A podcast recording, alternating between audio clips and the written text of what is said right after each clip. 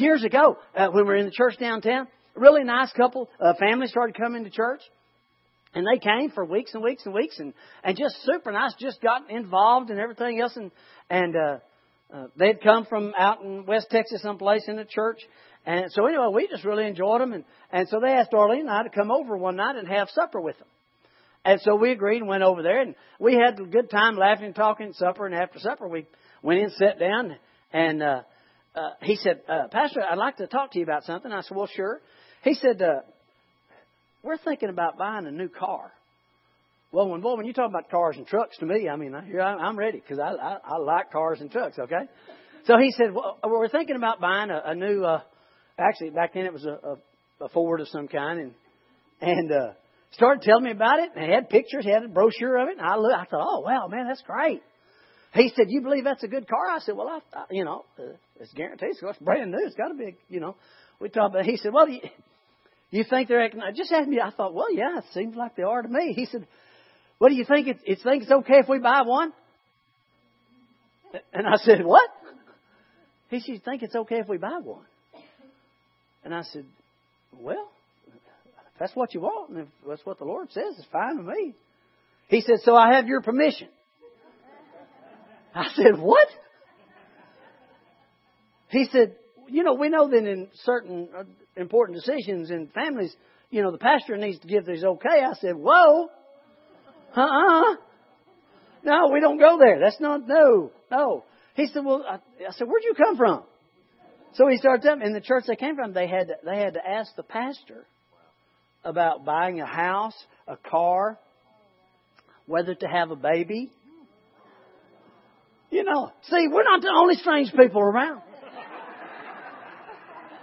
But these, don't get me these were sweet, sweet people, just really, and they stayed with us another year or two after that. He got, got transferred and they got free. You know, I mean, I'll give you as much information as I can, but man, don't put me on the top of the list. Okay, his name is Jesus. Put him right there, ask him all this stuff, let him make the decision, and you go with that, because I don't want to be boss. Whew, we, no one would like that. All right, let's get into the Word this morning. Go with me, please, to Matthew chapter 13. We're going to talk about the pureness of what the blood of Jesus did. Oh, I tell you, hey, that, uh, see, what was that song? Can you put it up without playing it? Uh, without just, just the words?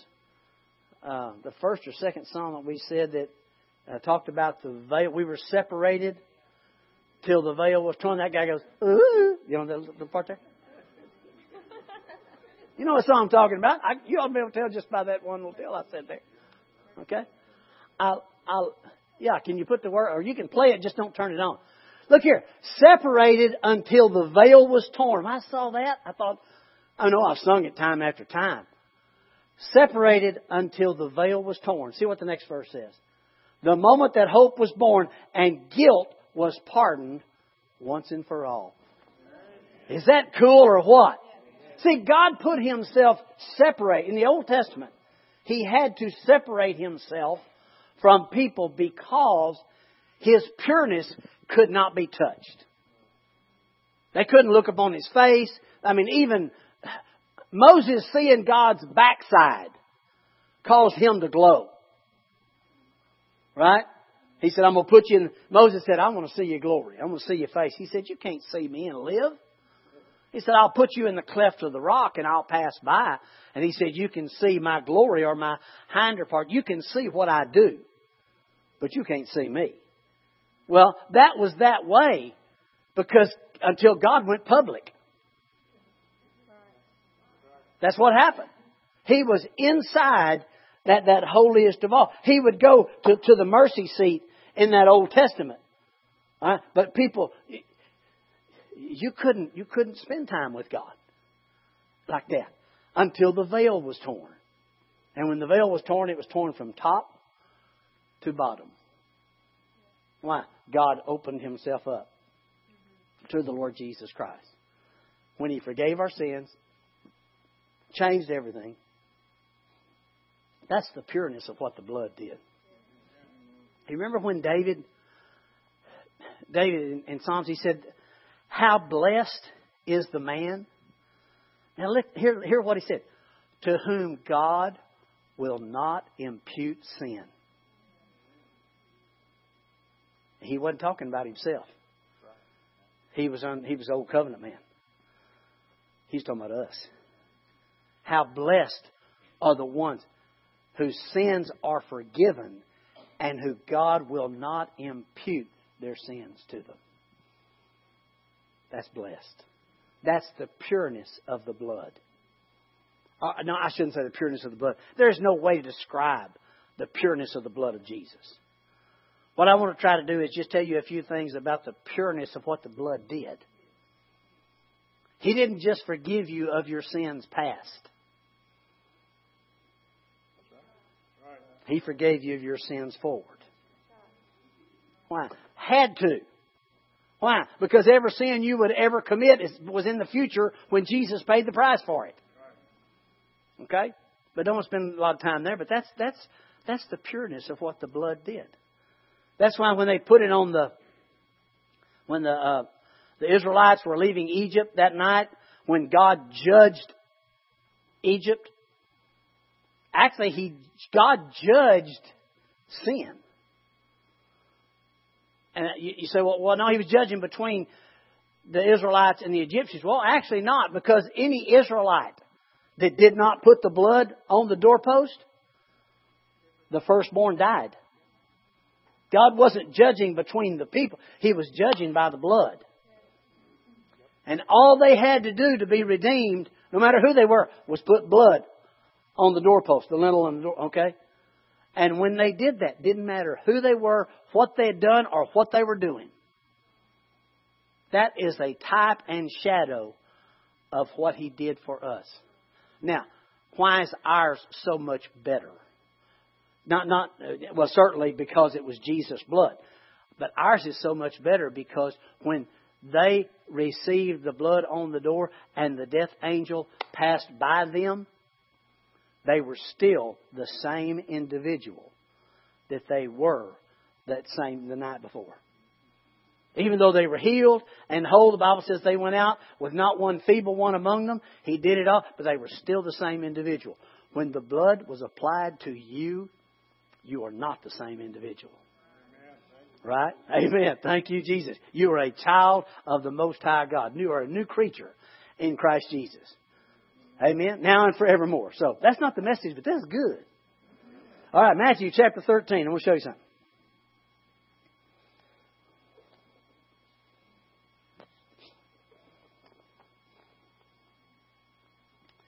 Matthew 13 and 53, and I am in the uh, New Living Translation.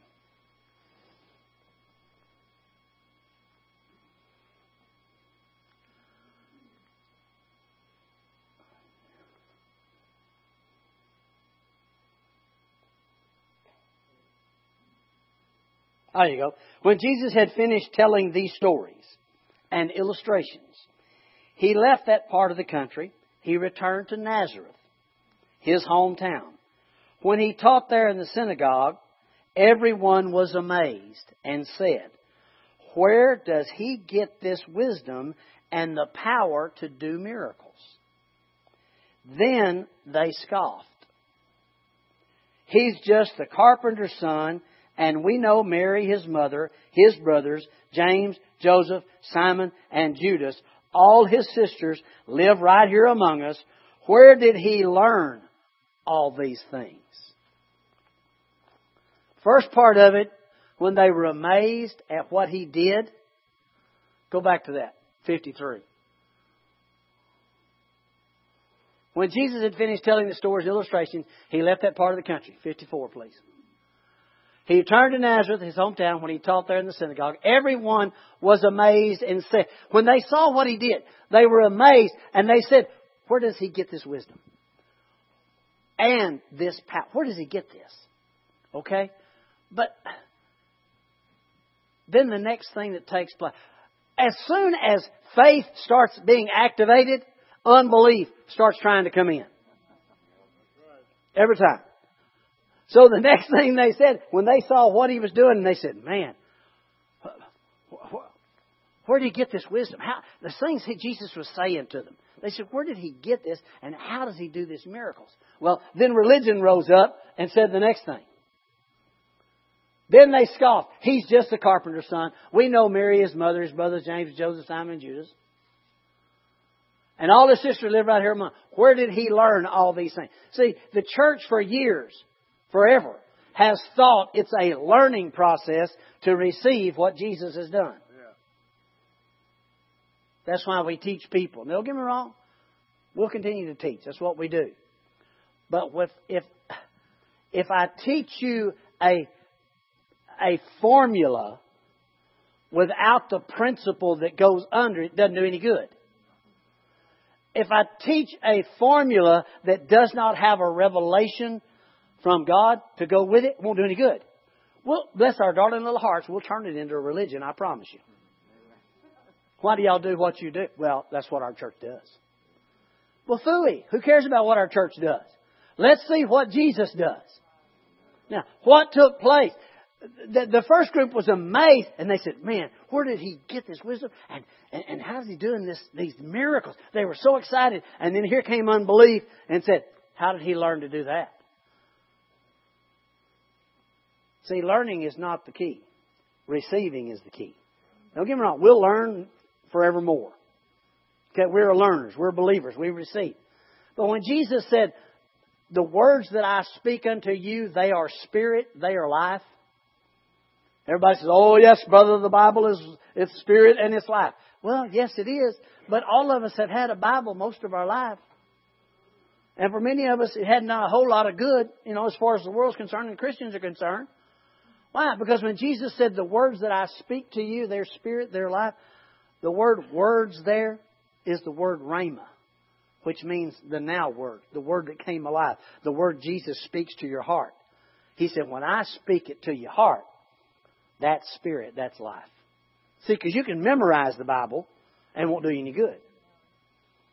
But when you got to know that you know that you know right in here, everything changes. You may not know how, you may not know why, but you know Jesus said that to you. Now, don't get me wrong. You're going to look at this Bible to make sure it lines up because this is final authority. But the power of this word is not in you memorizing it, not because it was laid out. The power of it is in the pureness of what Jesus has done for us. He has made this word capable, He is this word, capable of coming alive in you so that it will change you instead of you having to change you. Can I get a witness? Don't you like it better having Jesus change you than you having to change? Isn't it a lot easier? Man, alive. And he doesn't do it. He doesn't do it as quickly as I would do it, but he does it better. And his his is permanent. Mine's just as much as I can muster up, you know. So when they said, "Where did he learn these things?" their mind was still on the fact that if we can learn enough, no, that's not it. It's on the pureness of what He's done for us. And that blood has done everything. I mean, go back. I mean, I, I go back to that old Pentecostal song, and y'all, you Baptists might have sung it too. I don't remember. What can wash away my sin? Nothing but the blood of Jesus. Now, that's what I sang, but I believe differently. Because it was what can wash away my sin? Nothing but the blood of Jesus and me doing what I'm supposed to do. What can make me whole again? Nothing but the blood of Jesus and me acting right and making sure I fear God and depart from evil and just my whole list, going down my list. No, that, that little song was right. What can do it? Nothing but the blood. And when the blood's applied, it all starts happening. Amen. Okay, can't stay there long, but I like that. All right, I think we're through with that one. So, religion said we got to learn. The ones that just received, they were just amazed. They just, they just love receiving. People like getting healed. You notice that? People like getting blessed financially. People like seeing their families put back together. They like seeing uh, harmony. People like that. Why? Well, we just need to learn how to do all that. Well, let me know how that works for you. Because you have to learn all the information, then you have to apply it all right, and then you have to keep applying it. Come on now. No. It's what He did for us. What do we supposed to do? Believe what He did for us. Because when you and I believe, That faith is the activator. It's the spark that causes the thing to manifest. Okay, let me give you some other neat scripture. I really like this one too. Go to 1 Kings chapter 3.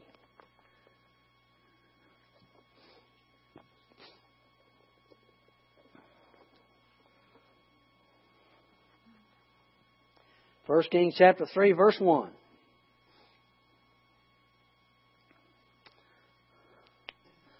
Ooh, I don't know if I want to read all this or not. Let's see.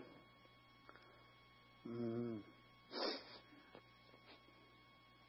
Solomon made an alliance with Pharaoh. Are we up there? Okay. The king of Egypt, he married one of his daughters. He brought her to live in the city of David until he could finish building his palace and the temple of the Lord and the wall around the city. And at that time, the people of Israel sacrificed their offerings at local places of worship, for the temple of honoring the name of the Lord had not yet been built. Solomon loved the Lord and followed all the decrees of his father, David, except Solomon too offered sacrifices and burnt incense at the local places of worship.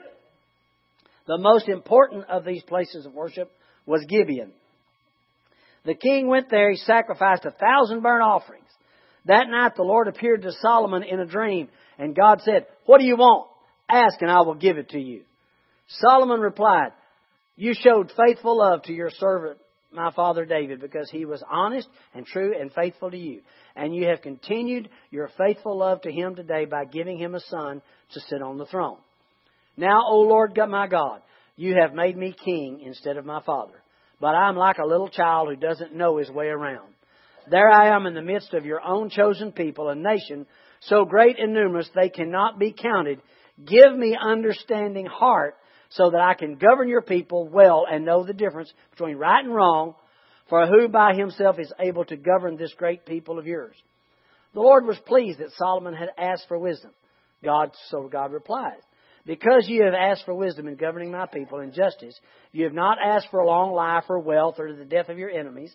I'm going to give you what you ask for, but I'm also going to give you a wise and understanding heart, such as no one else has ever had or will have. And I will also give you what you did not ask for riches and fame. No other king in all the world will be compared to you for the rest of your life. And if you follow me and obey my decrees and my commandments, as your father David did, I will give you a long life. Then Solomon woke up and realized it had been a dream. He returned to Jerusalem, stood before the ark of the Lord's covenant, where he sacrificed burnt offerings, peace offerings. Then he invited all his officials to a great banquet. Okay, let's look at this. Gibeon was where everybody offered sacrifice. Now you have to watch out because they also offered sacrifices to other gods there. Alright? So Solomon went there and he offered sacrifice. honest sacrifice, honest before God, right? David had built that house there to glorify God, there in Gibeon. There was, there was a place of worship there, okay? Solomon went there and prayed. But when he had his dream and he woke up, he went someplace else to worship. He went to Jerusalem. The Ark of the Covenant was there. That's where God was. God wasn't in that building in Gibeon. He was in Jerusalem. So many times, look, it's a good thing to come to church. But don't depend on what the church believes. Depend on what Jesus believes. Now in this church, we're going to work hard, really hard, to always believe what Jesus believes. But just because it's the church, no. Go, go to the mercy seat. Go to Jerusalem. He went to Jerusalem to worship God. After he had made that sacrifice, done a great thing. It's not the church that gets people by. It's Jesus. It's not the church that makes people well. It's Jesus. It's not the church that makes people wealthy. It's Jesus. Okay? Don't get me wrong. We're not separating from Him. We're going to do everything like it, but we don't ever want to get to the place where religion is our thing. What's your religion? Ooh, I don't have any. And when I find some, I try to run it off. Okay? All, all I want is a relationship with Jesus. Religion means re, religion, return to bondage. Return to a specific set of rules and law. That's not who we are. We are children of the Most High God. Don't get me wrong. I love church. I kind of like church. I kind of like being here. Okay? Like being around you people. But it's not the church. What, well, what does y'all's church do? Do y'all have a school? Do y'all do this? Do y'all do that? No, Jesus didn't tell me to do that. I hope he don't. No. Oh. Don't want a school, okay? Had a friend that has a school tell me, he said, you better hear the audible voice of God three times before you start school. I promise you. I said, I bet that. No, don't get me wrong. I love the church, and that's what I'm talking about. But Solomon went to the place. But, well, hey, look, except for God being everywhere all the time, if you and I weren't in here, there's no reason for him to be in here. Come on, people. This building's not holy. That building's holy. When you get in here, it makes everything holy. Come on now. You didn't make you that. He made you that. That's why he shows up. Because he, he is well being around his kids. He didn't show up to see if you're going to be good today. People mostly always good in church. Except a couple of you. But anyway. Has nothing to do with that. Okay. Not, I just don't get, I don't want metal here. Okay.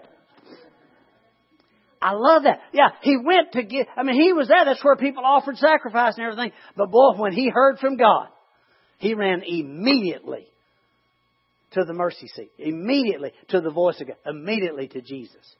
Relationship. Come to church and get a relationship with Jesus. Okay? Why? Because you can every day of your life come boldly to the throne of grace. Again, I say this every time and I know it. I know you get tired of hearing me say it, but Every time, I say, come boldly to the throne of grace. And you're going to say, I don't feel like I can. Well, good. Do it anyway. Because you don't have to clean up to come to the, to the throne of grace. You don't. That's what it's there for. See, because God's already seen you clean. You're the only one that don't see you clean. And when you and I see me and you clean, then we start acting clean. But God already sees us clean because He looks at us through the bloodstain. Guys, there's nothing more powerful than the blood.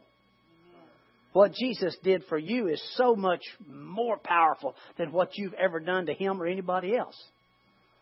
It can't change, okay? All right, give you a couple more scripture here that I really, really like. Oh, uh, Matthew 11, 28, message translation. Kind of throw them a kink in there once in a while to give them a I was reading this this morning. I just, I just love this. Matthew 11:28, the Message translation. I like it because religion is a is a really bad thing. Now, the Bible says pure religion and undefiled is before God, you know, is to visit the, the widows and the fatherless, keep yourself unspotted from the world. That's pure religion from that, we've, we've kind of added a lot of stuff in religions, okay? What we're supposed to do, what we're supposed to dress, and all this other stuff. Are you tired, worn out, burned out on religion? Come to me. Get away with me. I like this really part here. And you'll recover your life. See, some of you may not know, but let me tell you, if you don't know this, if you grew up in church and especially if you're a minister, a minister's kid, a deacon, a deacon's kid, any of these where you're there all the time. You know, your mama's got the keys, so you're not missing service. Okay? Some of us grew up that way. You get to the point where you you have to have Jesus in order to recover your life.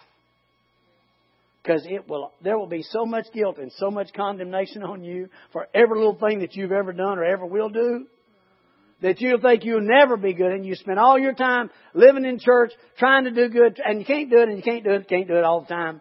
Okay? That's why i like this version of this. Are you tired worn out burned out on religion? Come to me. This is jesus talking right come to me get away with me and that is such a neat way to say that because you got to get away with him in order to get rid of what gets around you sometimes. Well, I'm just not doing this good enough. I just, I just, Lord, I, I Lord, I really want to ask you for this, but I know that I, if I I just haven't, Lord, I promise you I'm going to do better. Oh, come on. Just quit. Quit. Come to Him. Get away with Him. Realize that all that stuff you're telling Him that you will do better, you can't do better without Him. Right? Without me, you can do nothing. So, trust in the Lord with all your heart. Okay? It is Him who is at work in you to will and do of His good pleasure. He is bringing you around. The desires of your, even your natural soulish realm are changing. Come on now. Why? Because He is larger in you than anything else. He is more powerful in you than anything else. Well, Brother Butch, don't, we have a part. You need to be talking about our part. There's nobody here needs me to tell you what your part is. Believe. Believe. Run to Him, not from Him. It's real simple. Because without having a relationship with Him, all your religious stuff's not going to do any good. You, there's nobody in heaven saying, open that gate for that guy right there. You just don't know what he's done. He has just done so many good. He is just. Uh, he has always. Been, he's he, just open that gate. He, no. The only reason that gate gets open is because of the blood of Jesus. That means I get to go in, being a stinker as I might be occasionally. Don't say anything about it. I'm an adorable stinker. I'm okay. That's, all right. Go with me. Did I finish that? You'll recover your life. I'll show you how to take a rest. Go to the next verse.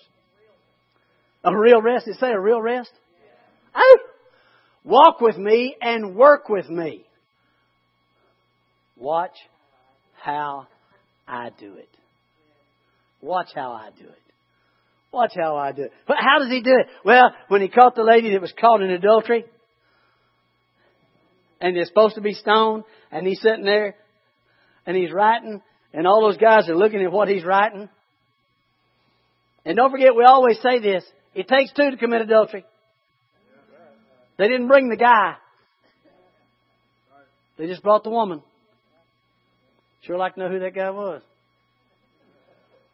That they were scared to bring him. They brought the woman. And all the ladies said amen. Okay. He wrote in dirt till they ran off, and then he looked at her and he said, Woman, where are your accusers? She said, Not any, Lord. He said, Neither do I accuse you or condemn you. Go and sin no more. When he gave her the opportunity to not be condemned, you give people the power to not sin. But if you tell them to stop sinning, then we won't condemn you. You got it backwards and it'll never work. Because people can't do enough of not doing stuff in order to feel good about themselves. Because the devil always makes you feel like you hadn't done enough. But for a child of God, you can stand there and say, I know I hadn't done enough. Hadn't done anything. My Jesus did it all. I'm standing here strictly based on the blood of what my Jesus has done for me. You will overcome by the blood of the Lamb and the word of your testimony. You'll, you'll overcome. You'll come out of the things that you don't want to be in in your life. You'll come out of the poverty, out of the sickness, out of the problems in your family, out of the lousy jobs into owning your own business. You'll do all of that by the blood of the Lamb and the word of your testimony of what Jesus has done for you not what you have done for Jesus. Come on now. There's no power in your testimony about what you have done for Jesus. The power's in the testimony of what He's done for you. Okay? Learn. Now here's the learning that's good. I like this. Learn the unforced rhythms of grace. Grace is God's unmerited favor. All we have to do is learn the unforced, rhythms. In other words, to, to learn, my God's blessed me. He blesses me every day of my life. The anointing of God is on me to bless me. Every day of my life, no evil befalls me. No plague comes nigh my dwelling. He opens doors that people can't shut. He shuts doors people can't open. He puts me in the right place to receive every, that's the unforced rhythms of grace. You didn't do anything for it, but He made it happen for you. I know this is what I preach all the time, but I don't think I'll preach anything else till Jesus comes. Why? It will do everything for us.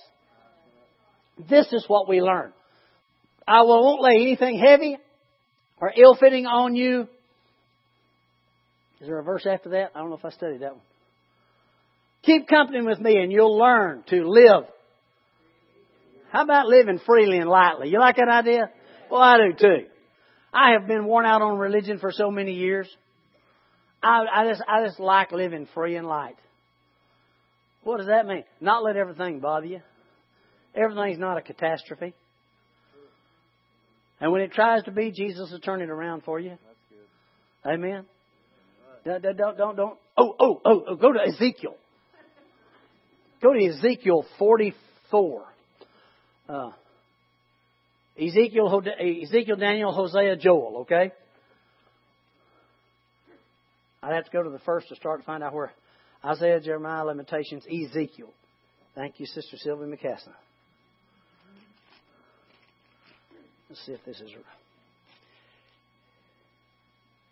Is it right? Ezekiel 44 and. Oh, yeah, Ezekiel 44 and 17. I'll have to quit at this one. This is so good. This is a shadow of New Testament living right here. Remember this. Remember this before we go into it. What happened in the Old Testament when clean people touched unclean people? When people who were clean touched people with leprosy. What happened in the Old Testament? The clean people became unclean. All right? What happens in the New Testament when clean people touch unclean people out there? The unclean become clean. That's the power of the blood. You say, "Well, I just I just don't do enough witnessing." Oh, just get away from that, would you? Be a witness. Stop trying to witness. Usually when people try to witness, there's a whole list of things they've done and have to back them up. Just be a witness. Did you find Ezekiel yet? Starts with the EZ. I don't spend a lot of time in Ezekiel, okay? But I like this one. Ezekiel. Got a cool name though. Because hey, like Paul Bird said, when you get to heaven, what are you going to do if Ezekiel walks up and says, "Do you read my book?" You, you won't, you won't, okay? When they enter the gateway of the inner courtyard, they must wear only linen clothing. This is talking about the, the holy people. All right, going into, alright.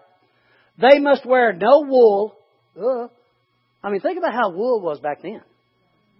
I mean, it's not like the nice wool we can have now. We're talking about rough stuff.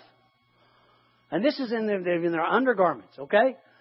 They must wear no wool while on duty in the inner courtyard or in the temple itself. They must wear linen turbans and linen undergarments. They must not wear anything that would cause them to sweat or perspire. King James says sweat. Come on, there's, there's, the Lord doesn't want you wearing anything that causes you to sweat. religion will make you sweat. I'm not good enough. I haven't done enough. Does the Lord really accept me? I so my prayers are not going to get answered this time because I hadn't done this. That'll cause you to sweat. That's religion. But a relationship with Jesus Christ, it puts you wearing the linen stuff. Right? The linen stuff. That, that's why when Jesus wiped the disciples' feet after he washed their feet, the blood, the Word washes you. He dried them with a linen towel. Linen represents righteousness. See, because when you and I realize we're righteous, it causes us to sin less. When you realize who you are in Christ Jesus, you don't want to do the wrong things. You want to do the right things. Okay? All right, go to the next verse, please. They must wear linen turban. When they return to the outer courtyard, where the people are, they must take off the clothes they wear while ministering to me. Remember, Old Testament, okay? They must leave them in the sacred rooms and, oh Lord Jesus.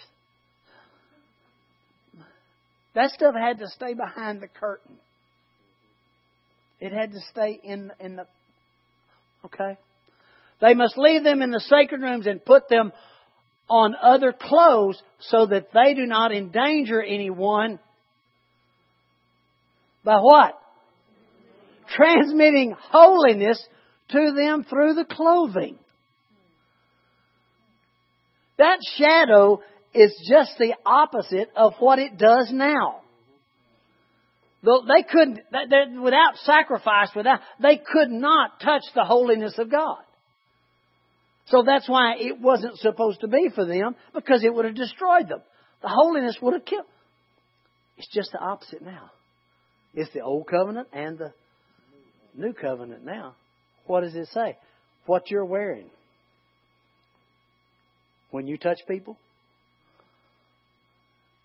the clean are no longer made unclean by the unclean. The unclean are made clean by the clean.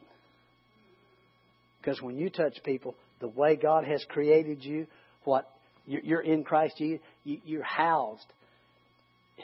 The Spirit of the Lord is upon you because He has anointed you to preach the gospel to the poor.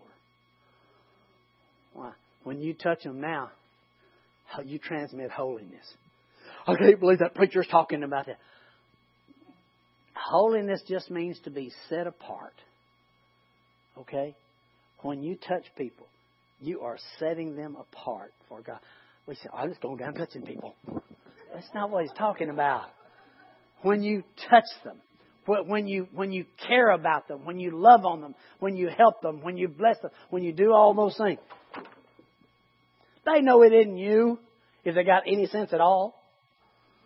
Right? That person is just so sweet. They just always trying to help me. There will be a voice saying, His name is Jesus. You transit, isn't it wonderful? You say, well, yes, I just don't feel like I do that. Don't care what you feel like, the Bible says you do. In the new covenant, as new covenant believers, as Christians, you transmit holiness. You do. You transmit holiness. Even when you're goofy. come, come on, people. We live in flesh. We're not perfect. Lord, if, if God was going to be stopped by goofiness,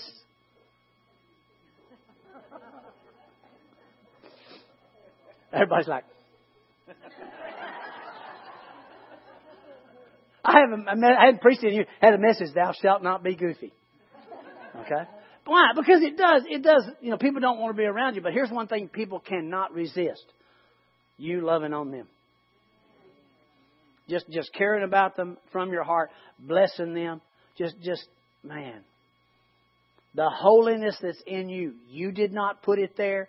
You did not create it. You did not earn it. No. His name is Jesus. That is the pureness of what the blood has done for me and you.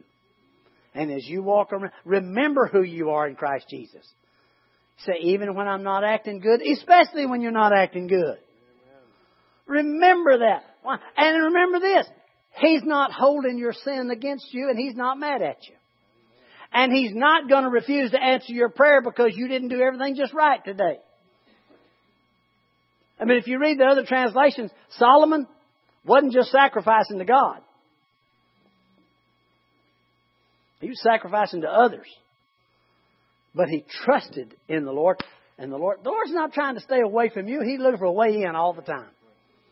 He's, the Lord is on my side. Amen? Hey, let's stand together and I'll quit. The pureness of what the blood of Jesus has done for me and you.